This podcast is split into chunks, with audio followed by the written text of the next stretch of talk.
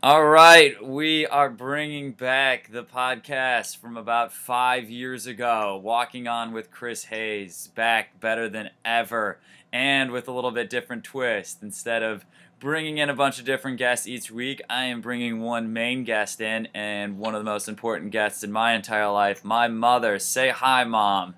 Hi, son. How are you today? I couldn't be better Good. Why are you so excited, Mom?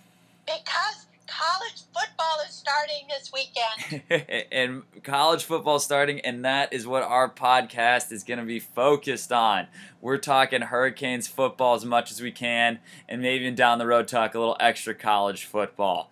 But we want to get into it. Uh, Hurricanes come off a very exciting season. The season uh, you and I have been waiting for for probably close to 12 years. Uh, what was your favorite part of last year? Oh, just the winning. It was so exciting to see them win time after time until the end. But time after time, it just was so invigorating.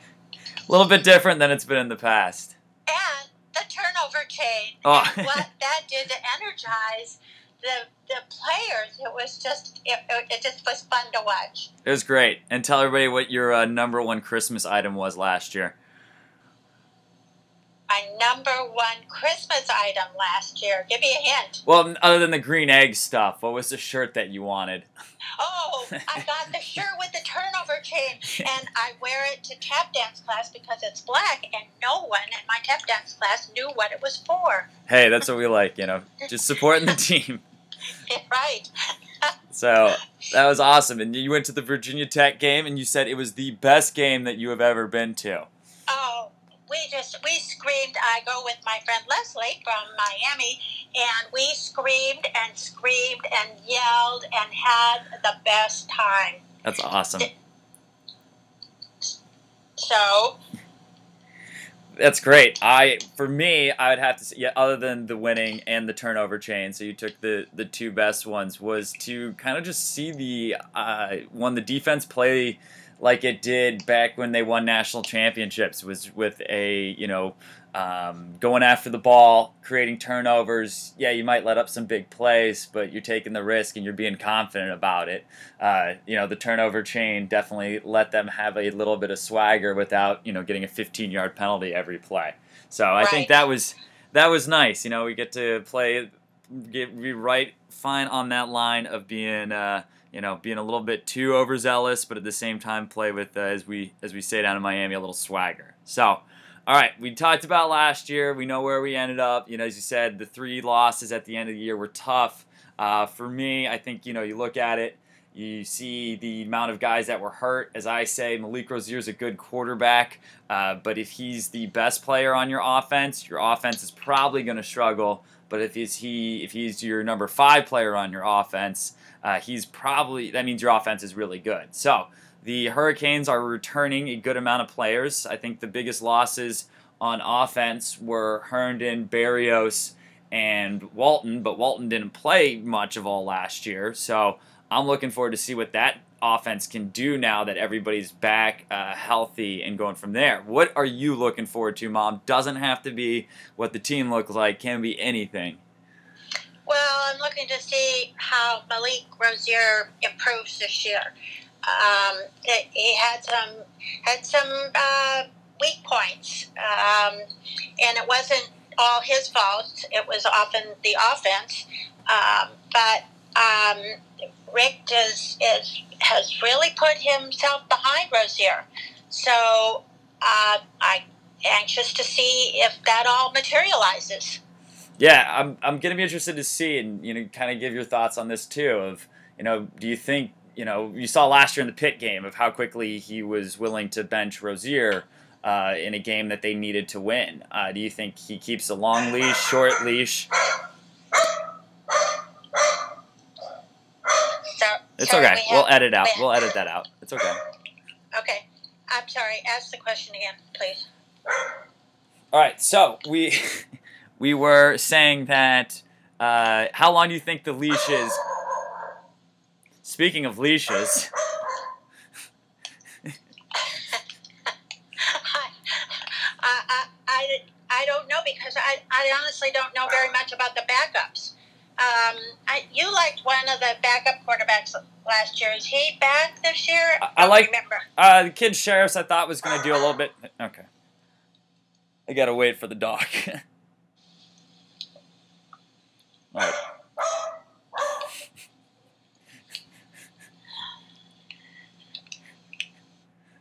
Okay. mom that Richt's going to have a long leash with Rosier. We saw how quickly he pulled him out of the Pitt game. Uh, you think if anything goes wrong in LSU, if he'll be willing to pull him quickly or stay with him? Oh, I think he'll, I think he'll stay with them for the first game, um, and maybe a little bit longer than that. But I don't know much about the two uh, backup quarterbacks. Uh, the the fellow that you liked last year, what was his name? Shirreffs. Yeah, he transferred. Yeah. Yeah. Uh, so, do you know anything about Weldon or Perry? Uh, Perry has been the guy that came in last year that they redshirted. Uh, he's, I know, a really good athlete. Um, I think from what I've heard is that he's not developing exactly where they want it to be, but that could also just be noise coming from the Hurricanes camp, and he comes out all of a sudden in like week three and is really good. Um, you know, I think they they left the door open last year for Perry to take it. He didn't do it. They opened it up again for Perry to take the job, and he hasn't. So I think that's kind of telling a little bit as how this kid is developing. Uh, doesn't say he's not going to turn into a great quarterback at some time, but I think they were hoping for a little bit more earlier in his Miami career. Well, I, I, I think Richt. Uh, I think he likes to stay with his uh, with them, whoever he's committed to, but he does get a little, I believe, a little paternalistic if um, if they're not performing. Yeah. But I, I do think he'll give him a, a longer leash this year. Yeah, I think so as well. So um, hopefully he shows it. I mean, at, you said at moments he looked great and late in games, and there were times that you were wondering what he was doing. So hard to believe uh, he's still here. I might feel like he's been there since I graduated eight years ago almost, but he's back for another year, and I'm, I'm hoping. I mean, he's been great for us, and you know, leading the Canes finally to an ACC championship game is huge. So.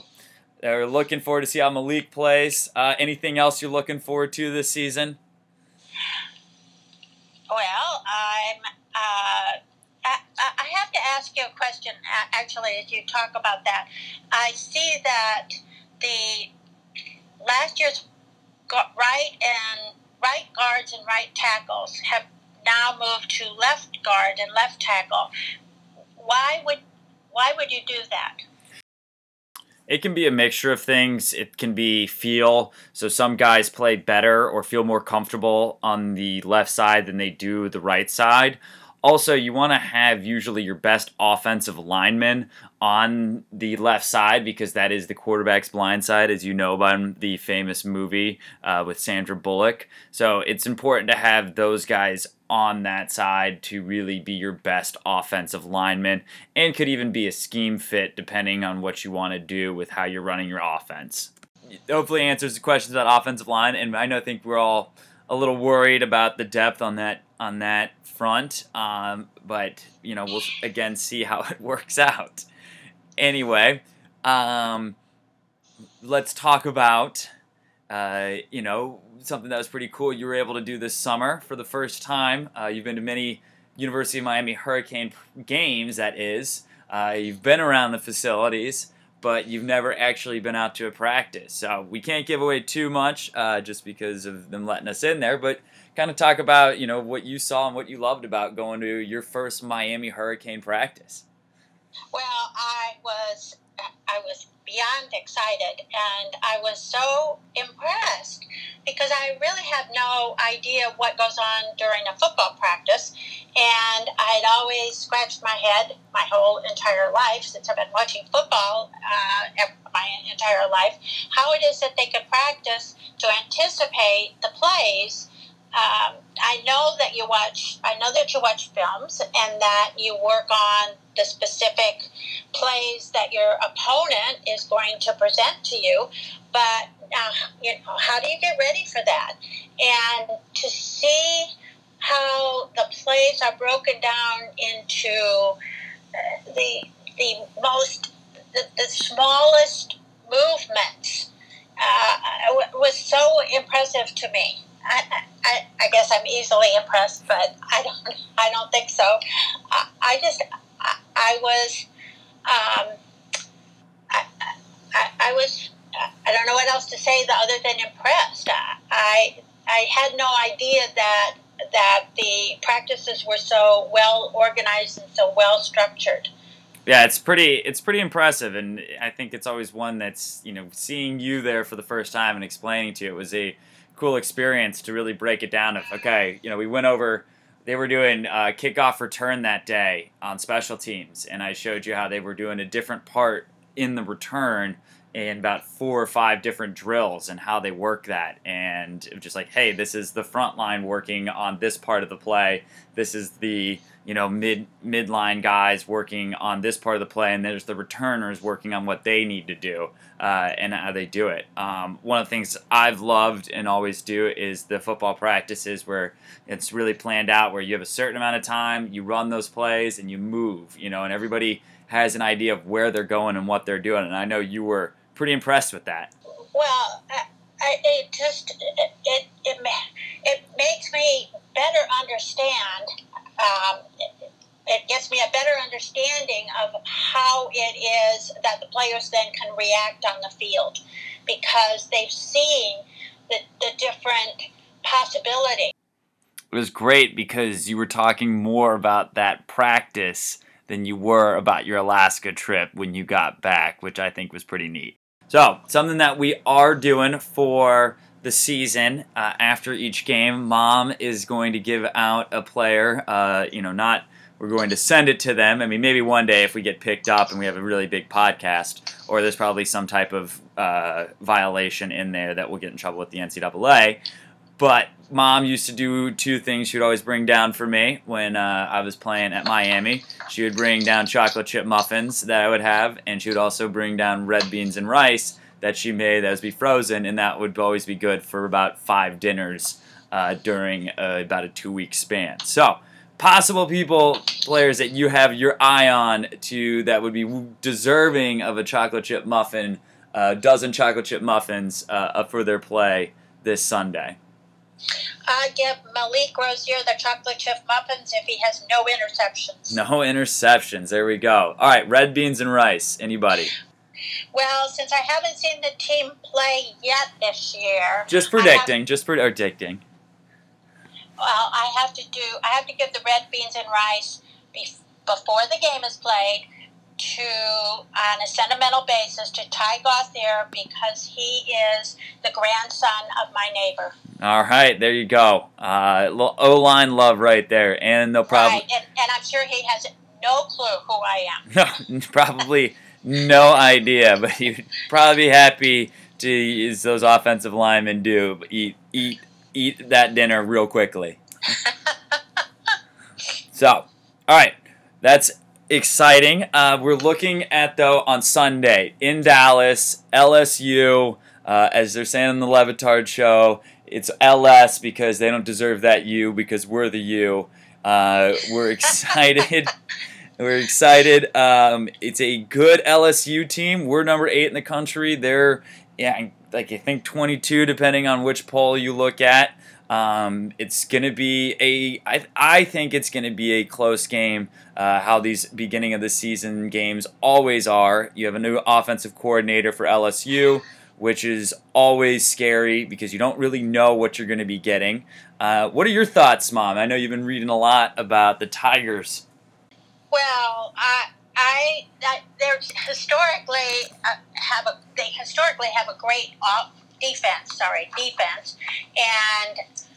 And with our offense being not the stronger side of our uh, team, I'm I'm worried about that. I'm worried that they're going to stop us, um, and, then that we're not going to be prepared for their defense.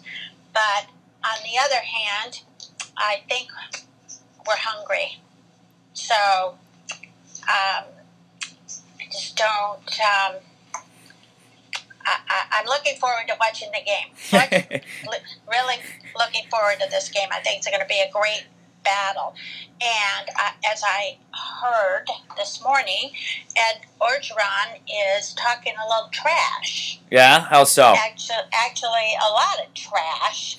I can't recall exactly what he said, but he was talking pretty tough. So that could get the guys pretty wound up. Yeah. I'm hoping, anyway. Me too. Um, from what I've heard, there is some trash talking going on by him, uh, as much as a coach will do, uh, which usually isn't too much, but they find any reason to put up uh, bulletin board material, as they say.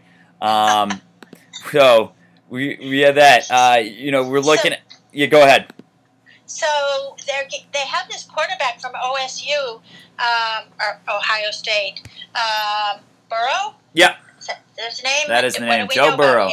Why did he leave Ohio State? Uh, He left because I know that there's a a they had a lot of quarterbacks at LS or excuse me at Uh, uh, Ohio State. You know, like they had Yes. um, J.T. Barrett, Cardale Yeah. Jones, and and uh, I know they have a new player this year. I don't know off the top of my head, but uh, you know, it's one of those. There's kind of a log jam at Ohio State. You know, when you're one of the top programs, uh, that's going to happen. Um, you know, it's. Uh, it- you know, he was good enough to go to Ohio State. Now, does that mean that he's going to be a great starter at LSU or was ever a great quarterback? Not necessarily, but I would not. Um, I would definitely try to. If the Hurricanes are smart, they get him out of his rhythm. I mean, this will be the first game he starts. Uh, he's playing in Dallas. Uh, you know, he's not even at home. He doesn't have a warm up game. Uh, you know, he's going into this game having to pretty much uh, set the Tigers' season, uh, get it going right away, um, and go from there. So. I, I like the fact that he's a new starter. Um, I always think that benefits the team that has a returning starter like Malik. So uh, we will see what happens here.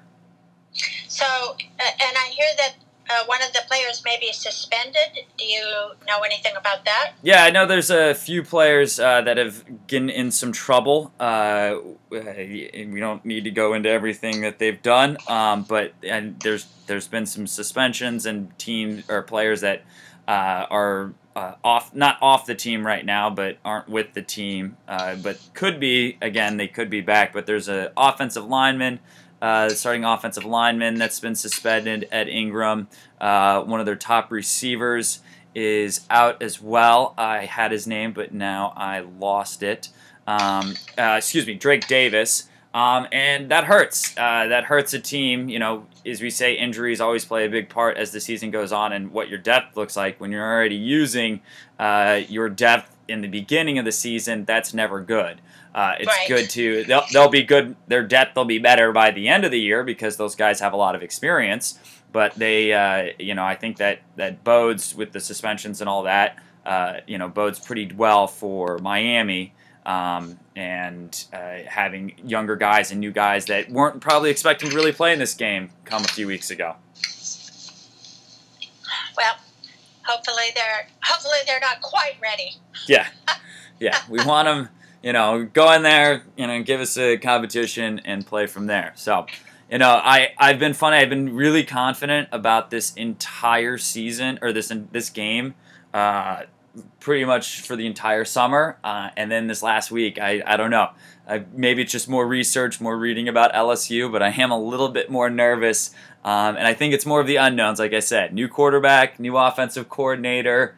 Uh, you know, I think that that can uh, easily go the wrong way for the Hurricanes if they don't know what to expect. But you know, Manny Diaz always adjusts, so I'm not worried about that. It's not like the golden era where we just play on the same defense even when we were losing by you know 20 already. Well, the the um, LSU defenders to watch on Sunday are um, Devin White, who's a middle linebacker, and Greedy Williams, who's a cornerback. I love that name, Greedy. Williams. That's a That- good name. That that makes me um, uneasy just just listening to his name. it's it's like a, you know when people have good baseball names, he's got a very good football name, and especially a really good cornerback name. right. Like that that kid came out ready to play cornerback for LSU named Greedy Williams. So you can't you can't get much better than that. Um, That's right. so there we go. We have uh, what we think LSU is going to look like. Uh, you you talked about what we think Miami is going to look like. All right, what do you think is going to happen Sunday? Uh, I think that Miami is going to pull it out, but I think it's going to be a tough fight. I think it's going to be a four quarter fight. Four quarter fight. Any any guesses on scores, or do you just want to leave it at four quarter fight? Um, I would say that we're looking maybe Miami around 30, LSU around 25. All right, so you're thinking high scoring. Uh, yes, I, I think they'll, they'll be, yes. Okay. Yes. Nice. All right, my thoughts on that is while I agree that Miami pulls it out, I think this game's going to be a little ugly to start offensively uh, for the first half or so by both teams, just because uh, you're going to have a couple Miami Hurricanes returning from injury. Yes, they have a little bit more experience. You're going to have uh, LSU coming in with a new offensive coordinator. As I say, I'm worried because that can always surprise a defense, but uh, I'm hoping uh, playing in a neutral site throws them off a little bit to start it, and I think they will struggle for a little bit. Uh, it'll be close. It'll be like a 14-7, not high at the first half, uh, and then be close like 17-14 through the third quarter, and I think Miami ends up with like a good like two score game, but like a 10 point win. So, uh, Wow. you know. Whoa, boy, you're really, you're really stepping out there. Yeah, I know. I, I'm really taking a chance and making bold predictions on the first podcast back, but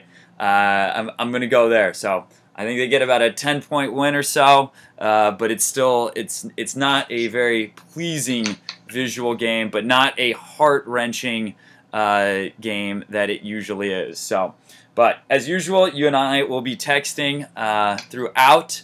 Uh, I know we'll be texting with other people as well. Um, and uh, to next next week's segment will be the favorite texts that we sent each other and or friends. So Yes. we will go go over those when we start the season or uh, uh, after the first game. But anyway, uh, you know we didn't get into what the uh, whole season looks like, which is fine. Uh, one game at a time right now, and we'll look into that maybe next week or when we go into like a Savannah State type game and don't have and have a lot less to talk about.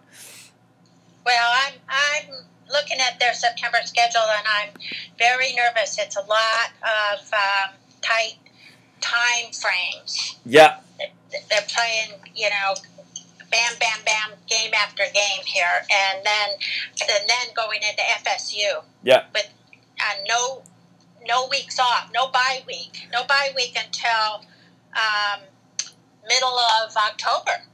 Well, that UNC game is at home on a Thursday night, which is good. It still makes me nervous that it's this early in the season uh, with little rest. I don't think, you know, I think Miami will be fine in that game per se, but how it impacts them for the rest of that season um, from there. So I think that's a huge, other than LSU obviously being a hurdle to start this season, uh, I'm, I'm a little nervous about that, but one we can work worry about in next week's podcast. You got it. So, all right. So, as always, once the Canes score a touchdown, we'll give a little spell out and sign off from there. We thank everybody for listening.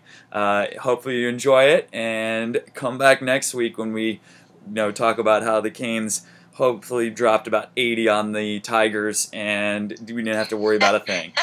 Oh, here we go. Uh, C A N E S Kane. We'll work on it, and that's the dog helping us out too. She's a new new one this year and not ready for That's football right. season yet. So, She'll all right, learn. She'll learn this weekend. she will. That's for sure. All right, we thank you everyone, and have a great evening. And always go Canes. Go Canes.